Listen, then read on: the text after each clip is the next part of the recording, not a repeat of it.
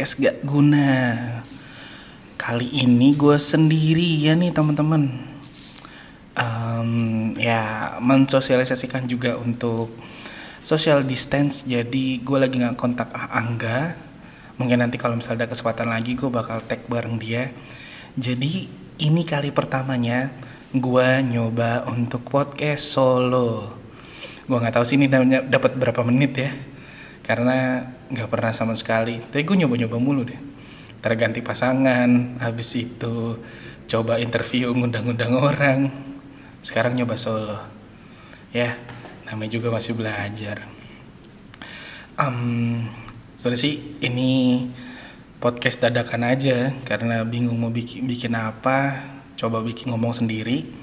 Dan ya um, gue lagi pengen ngomongin tentang hal-hal yang sebenarnya udah lama gue alami dan relate beberapa hari ini yaitu adalah tentang penyesalan. Um, kalau versi lu kayak gimana nih teman-teman? Gue sih pernah baca ya um, gue uh, adalah salah satu orang yang paling sering menyesal. Waktu itu gue baca di uh, ramalan zodiak gitu. Nah, rasi bintang gue itu ada keterangannya kamu sering banyak ketinggalan momen. Dan kalau dirunut dari SD banyak banget hal-hal yang selalu gue lewatkan gitu. Terus pas sudah selesai, aduh gue nyesel deh nggak ikut. Dan itu sering banget. Uh, banyak hal-hal yang bikin gue nyesel. Salah satunya adalah membuat podcast di tahun ini. Kenapa gitu? Karena ampun ya Tuhan, semua orang pada bikin podcast sekarang-sekarang. Artis pada bikin, terus um, pokoknya udah gede-gede pada bikin lah. Jadi susah nih tembus pasarnya. Cuman ya konsistensi aja dan tunjukin kalau uh, gue udah deserve yang terbaik di uh, hal yang gue senengin ini. Padahal niatnya bikin podcast tuh dari tahun lalu. Triggernya itu gara-gara apa ya? Um, waktu itu belum semasif itu dengerin podcast sih karena opsinya juga masih sedikit. Jadi dulu masih yang terkenal tuh uh, podcast babi bu, terus habis itu podcast babu gitu kan. Terus three days uh, lunch ya itu lupa aku judulnya apa. Um, kayak yang masih besar itu. Terus waktu itu nyoba denger makna talks ya berarti kalau nggak salah triggernya gara-gara itu. Gara-gara suara Mas Ias yang aduh crunchy banget. Dan kayak keren deh kalau bikin dari Februari niatin ngajak ngajak si Amri eh kita bikin podcast sih kayak seru. Terus Amri itu baru balik sekitar Juni dan ya udah ada aja alasan untuk tidak membuatnya dan baru kebuat Januari kemarin. Eh tau tau pas booming semua semua orang bikin podcast ampun ampunan deh. Uh, dan podcast sudah semasif ini semua semua podcaster aja uh, juga menyuarakan untuk buat podcast sendiri dengan Anchor. Yes gitu.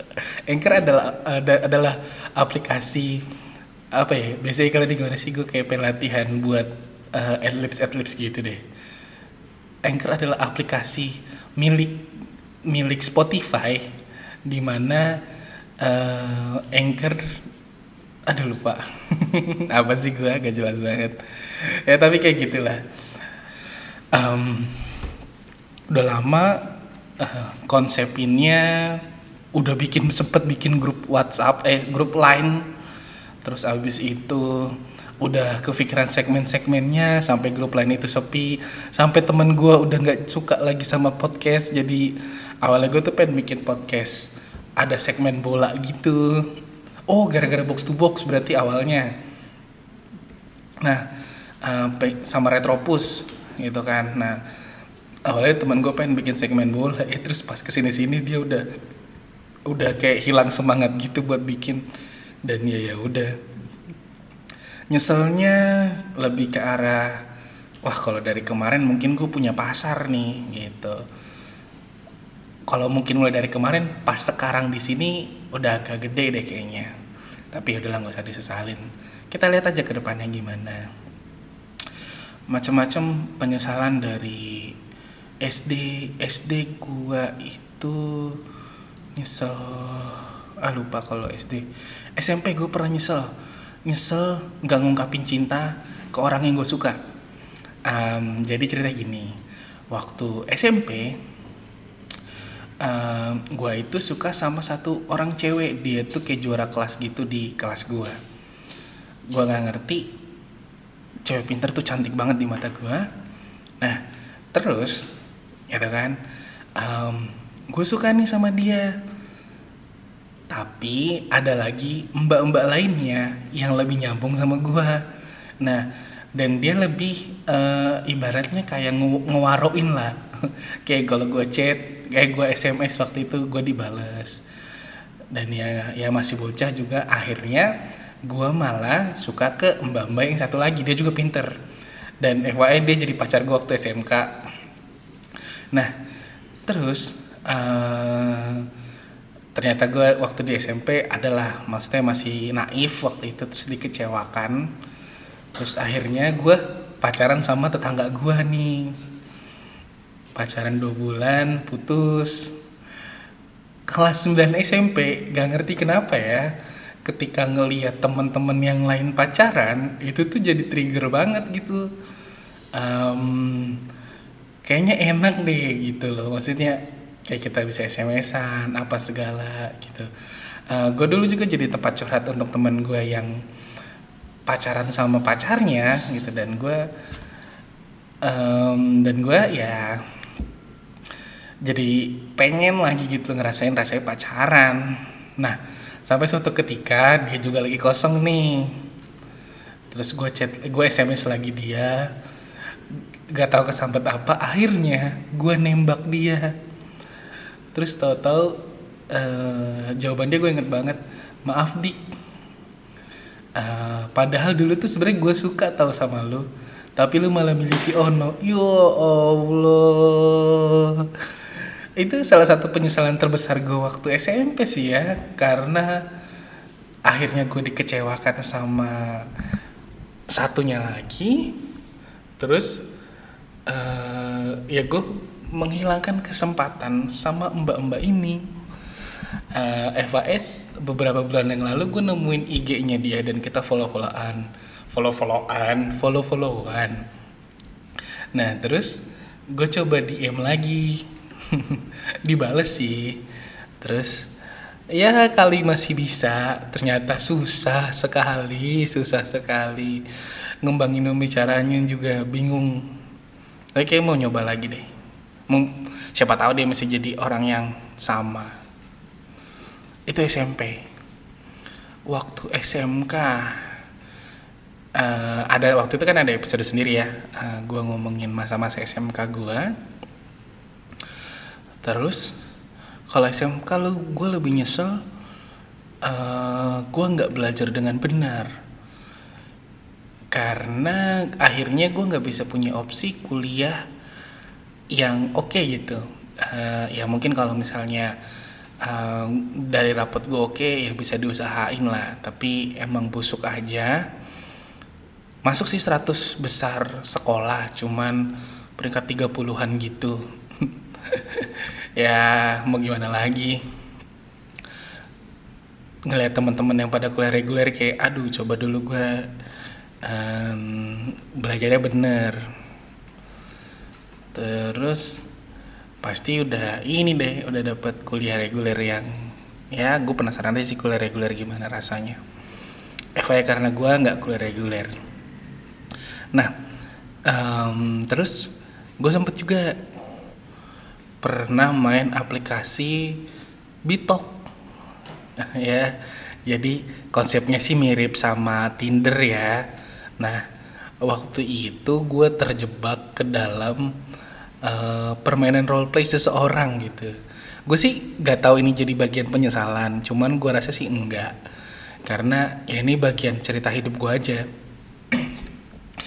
Jadi waktu itu uh, gue pertama kali punya HP Android terus gue uh, dapat uh, bukan dapat sih tapi lebih jadi dapat interest gitu gara-gara di blognya Alit ngomongin aplikasi ini. Nah terus gue coba install nyari-nyari yang uh, sefrekuensi gitu kan ya. Dan gue dapet tuh ada sumpah itu mbak-mbak cantik banget. Dia suka anime. Terus aduh gue nggak ngerti deh. Uh, itu kayak bidadari nyangsang di Indonesia ya wujudnya itu kayak dia gitu nah terus awalnya ya gitu. Kita ngobrol-ngobrol banyak kesamaan. Terus gue gue ngechat di waro terus gitu kan. Terus uh, sampai akhirnya gue nggak tahu ya emang kenapa ya laki-laki tuh receh banget gitu. Cepet banget sayang gitu loh. Ngelihat mbak dede dede gemes JKT48 aja aduh bawaannya mau sayang gitu kan. Apalagi ini yang juga ngasih kayak perhatian gitu. Nah waktu itu ya akhirnya jadi sayang um, sampai akhirnya uh, gue nggak ngerti ya gue kemakan skenario dia atau gimana. Um, pokoknya gue tuh mulai main bitok Agustus. Terus kami kembali dekat. Uh, kembali dekat maksudnya mulai dekat dan obrolan-obrolannya kayak seorang pasangan itu di November. Di Januari dia didiagnosa kanker darah tapi ini serius. Tapi lu pernah gak sih ngebayangin ya? Ngebayangin orang yang lu sayang sakit gitu? Uh, tanpa mendiskredit maksud bukan diskredit ya maksudnya tanpa menying, tanpa bermaksud menyinggung orang. Mungkin lu yang denger terus orang yang lu sayang sedang sakit semoga sembuh gitu. Tapi waktu itu gue waktu itu masih remaja banget dan emang sayang dan ya gue tuh kalau misalnya punya kekuatan atau punya power untuk bisa nyamperin dia gue pengen samperin banget. Jadi kondisinya dia di Tegal uh, pokoknya entah kenapa kayak lagu LDRan LDRan LDRan uh, di otak gue tuh jadi jadi lagu kita gitu lagu gue sama dia misalnya kayak lagu Run misalnya aku di sini dan kau di sana nanti gue ganti lirik jadi aku di sini dan kau di Tegal. Kita memandang langit yang sama. Nah singkat cerita uh, eh, HP dia uh, dia harus kimo dan dia nggak boleh megang handphone. Dan gue cuman bisa kontekan sama saudaranya doang. Uh, itu sekitar bulan Maret sampai Mei lah tuh kangen nih kangen banget. Kayak pengen ngobrol panjang sama dia. Jadi jadi gue ngechat nih tanpa dibales gitu kayak uh, tahu nggak hari ini aku kayak gini gini gini gini loh. Kayak gitu gitu juga sih denger uh, ingatnya lagi. Um, dan ya gitu. Terus kangen-kangen sempet dia muncul sempet dia dari ibunya sempet saudaranya juga pokoknya gue cuma nanya perkembangan dia gimana? Kangen banget rasanya. Pengen ngobrol lagi pengen cerita lagi. Sampai satu ketika waktu itu gue ingat banget di bulan puasa kangen kangen gue tuh udah gak terbendung. Nah terus um, yang gue lakukan adalah gue stalking gue search gue runut nih. Karena gue nemuin nama gue nyari namanya nih nggak ketemu temu di sosial media. Karena kan biasanya kalau misalnya lu menggunakan nama A seenggaknya ada jejak-jejak akun media sosial lu di masa ke masa yang mungkin lu lupa ganti masih ada ya. Nah ini tuh nggak ada sama sekali gue nggak ngerti. Terus coba gue cari dari sekolahnya. FAE gue tahu sekolahnya waktu itu. Nah um, gue cari dia tergabung di Paskibra gue cari nih pas uh, sorry sorry. Awalnya gue cari di osisnya nama dia tuh nggak ada di osis karena setahu gue di osis terus gue cari di Paskibra. Ketemu akun Twitter Paskibra. Dan ada foto dia. Udah tuh ada foto dia gue cari. Dan gue klik tararara namanya berbeda. Namanya berbeda. Habis itu um, gue langsung chat saudaranya tuh. Uh, eh ini beneran si ini kan? Iya betul. Kok kalau di twitter namanya ini ya dan tararara gue langsung di blok. Des wah gue nggak ngerti tuh. Terus langsung kayak mikir anjir gue selama ini sayang sama siapa ya? Terus selama ini tuh ih, orang kok bisa gitu ya? Sejail itu gitu loh. Um, tapi ya ini beneran. Di situ ya pas gue tahu eh gue di blok dan akhirnya gue mencoba menerima dia uh, orang yang gue sayangi selama ini fiktif. Gue muntah loh coy. Waktu lagi puasa gue muntah. Gitu kan. Wah gila nggak karuan rasanya. Kayak apa ya? Kayak lu di ini ditonjok Muhammad Ali gitu loh. Cudar ah kacau lah um, ini gak masuk kategori penyesalan sih cuman gue pengen cerita aja. Karena lucu aja. Dan salah satunya yang gue takutin maksudnya gue berharap deh semoga um, uh, ini ini bukan sungguhan adalah semoga dia bukan cowok. Gue gak ngerti lagi kalau misalnya itu. Kayak begitu. Aduh ampun. Tapi ya gue nggak tahu ini bakal nyampe ke dia atau enggak. Cuman kalau misalnya lo uh, pakai foto orang lain untuk hal seperti itu uh, menurut gue lu jahat sih. Cuman kalau misalnya karena udah terlanjur sayang juga ya gue tahu aslinya lo kayak gimana gue mungkin akan tetap sayang sih. Bucin namanya juga jangan lupa dengerin episode kultusan ya. Nah itu itu akhir-akhir SMA sih. Bagian dari penyesalan sih enggak ya. Karena ya udah itu jadi pelajaran aja. Gue habis itu gak pernah main lagi aplikasi-aplikasi cari jodoh cari jodoh kayak gitu sih. Makanya gue kesel banget nih ada aplikasi game yang pendekatannya nyari jodoh. Aduh kenapa sih? Ya cuman ada pasarnya aja ya udahlah um, terus uh, tentang penyesalan. Gue sih nggak tahu ini akan jadi penyesalan atau enggak. Tapi gue rasa sih akan jadi penyesalan. Potensi penyesalan. Um, ini baru terjadi akhir-akhir ini. Um, untuk yang denger lu percaya nggak sih kita akan berevolusi menjadi orang yang sangat berbeda dari kita yang sebelumnya kepada orang yang sangat dekat dengan kita. Kalau misalnya lo nggak percaya, semoga nggak terjadi sama lo. Tapi kalau gue sih kemarin terjadi ya. Jadi gue uh, kalau belum menjalin tuh kayak kayak hubungan intim banget ya. Tapi bisa dikategorikan itu uh, jadi gue bersahabat dengan lawan jenis lebih dari empat tahun. Ini masuk tahun keempat. Terus di lima bulan terakhir gue juga nggak ngerti. Gue menjadi orang yang sangat-sangat berbeda di mana biasanya gue adalah orang yang selalu gangguin temen gue ini gue nanyain dia atau gue cerita eh gue lagi gini eh gue lagi gini. Dan sekarang jadi orang yang nggak sama sekali sampai dia ngomong eh lu lagi lu kenapa sih lu kenapa sih? Gue pun nggak tahu jawabannya.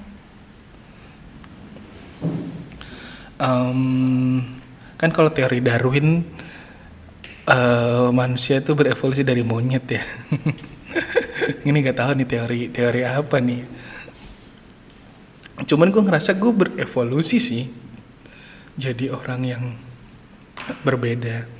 Dan ketika ditanya lu kenapa sih? Uh, mungkin ada opsi bisa jawab enggak enggak kenapa-napa. Besok gue bakal jadi balik kayak biasa kok. Tapi kata-kata itu nggak keluar juga dari gue dan gue pun nggak ngerti gue kenapa. Gue telisik lagi gue telisik lagi um, awalnya sih gara-gara ini ya. Uh, Gofar apa lupa. Terus abis itu uh, sempet gara-gara kali di film NKCTHI kalau nonton NKCTHI ada karakter Kale yang diperanin sama Ardito Pramono. Dia bilang gini aku tuh cuman gak mau uh, bergantung menggantungkan kebahagiaanku sama orang lain kalau nggak salah kayak gitu ya. Ataupun sebaliknya jadi orang uh, oh gini aku nggak mau bertanggung jawab atas kebahagiaan orang lain. Uh, gue uh, merepresentasikan itu dengan cara yang berbeda bahwa uh, kayaknya uh, coba bisa diredam sendiri deh gitu. Maksudnya gue tuh nggak mau bersandar atau membuat orang lain bertanggung jawab terhadap apa yang gue rasain gitu. Kalau misalnya lagi enak nanggepinnya kalau misalnya dia lagi sibuk jadi ya gue coba reduce sendiri aja. Tapi ya perubahan itu juga pasti susah diterima sama uh, teman gue ini. Dan nggak ngerti prosesnya itu tadi mal uh, jadi kejadiannya tadi malam banget. Prosesnya itu kayak putus pacaran gitu loh. Terus gue juga nggak punya jawaban kenapa uh, gua kenapa. Terus gue juga punya keyakinan dan gue bilang ke dia gue cuma takut pas gue coba sendiri kayak gini terus gue coba nerjang badai sendiri kayak gini terus nanti tata gue hilang arah. Terus gak ada siapa-siapa. Itu gimana ya? Tapi gue nggak tahu nantinya ke depannya bakal kayak gimana. Dan gue pun nggak juga bisa menjanjikan ke dia gue akan jadi yang biasa lagi gitu. Cuman dia bilang ya mungkin kita nggak intens lagi. Ya mungkin kita kemarin sangat-sangat intens terus total lo hilang berasa juga gapnya lo ke mana. Terus um, ya mungkin kita nggak bakal bisa intens lagi. Ya udah itu pilihan lu lu nyaman dengan itu. Ya mungkin kita jadi akan jadi teman biasa dan ya lu tetap teman gue dia bilang gitu. Kayak sih nanti dia denger. Kalau denger gue minta maaf ya cuman nggak tahu gue nggak bisa ngejawab gue kenapa tapi ya ini ini bagian dari yang gue pilih gitu Nah, lu pernah gak sih kayak gini? Kalau pernah, mungkin akan ada ini kali ya, pesan interaktif. Kalau misalnya lu denger, coba tolong buka IG kotak suara terus bisa DM kami. Saya tahu mau berbagi cerita juga. Nah, um, dari cerita gua, itu kan sebuah potensi penyesalan ya tapi gue juga nggak bisa menjanjikan uh, menjanjikan harapan gitu mendingan ya udah mau digimanain lagi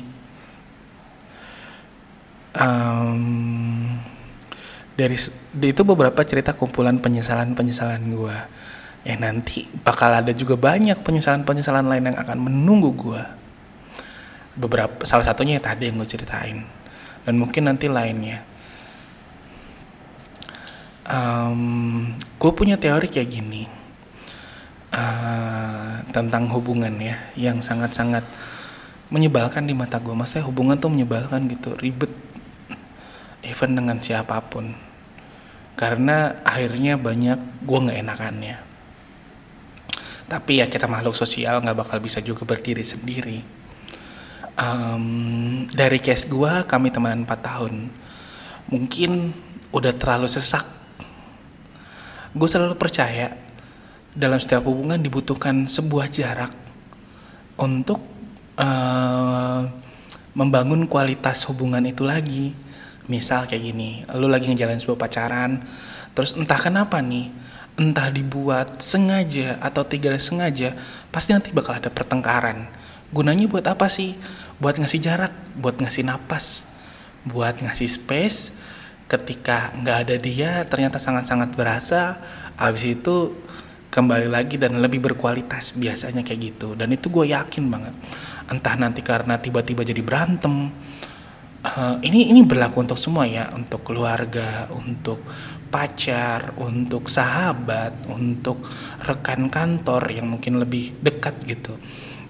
Karena gue selalu ngadapin dan gue selalu percaya teori yang gue paham, gue yakini ini bahwa akan timbulnya jarak untuk memberi nafas satu sama lain. Cuman tinggal lu pilih aja. Bakal ada yang akan membuat lu menyesal atau tidak. Karena penyesalan selalu datangnya belakangan. Kalau di depan namanya pendaftaran. Gue Diki, uh, ini sesi obrolan gue jel gak jelas gue dari podcast gak guna. Nanti kita lihat minggu depan semoga udah bisa ngobrol lagi sama temen gue ataupun teman-teman gue yang lain ataupun mungkin sama Angga. Dan stay safe untuk kita semua.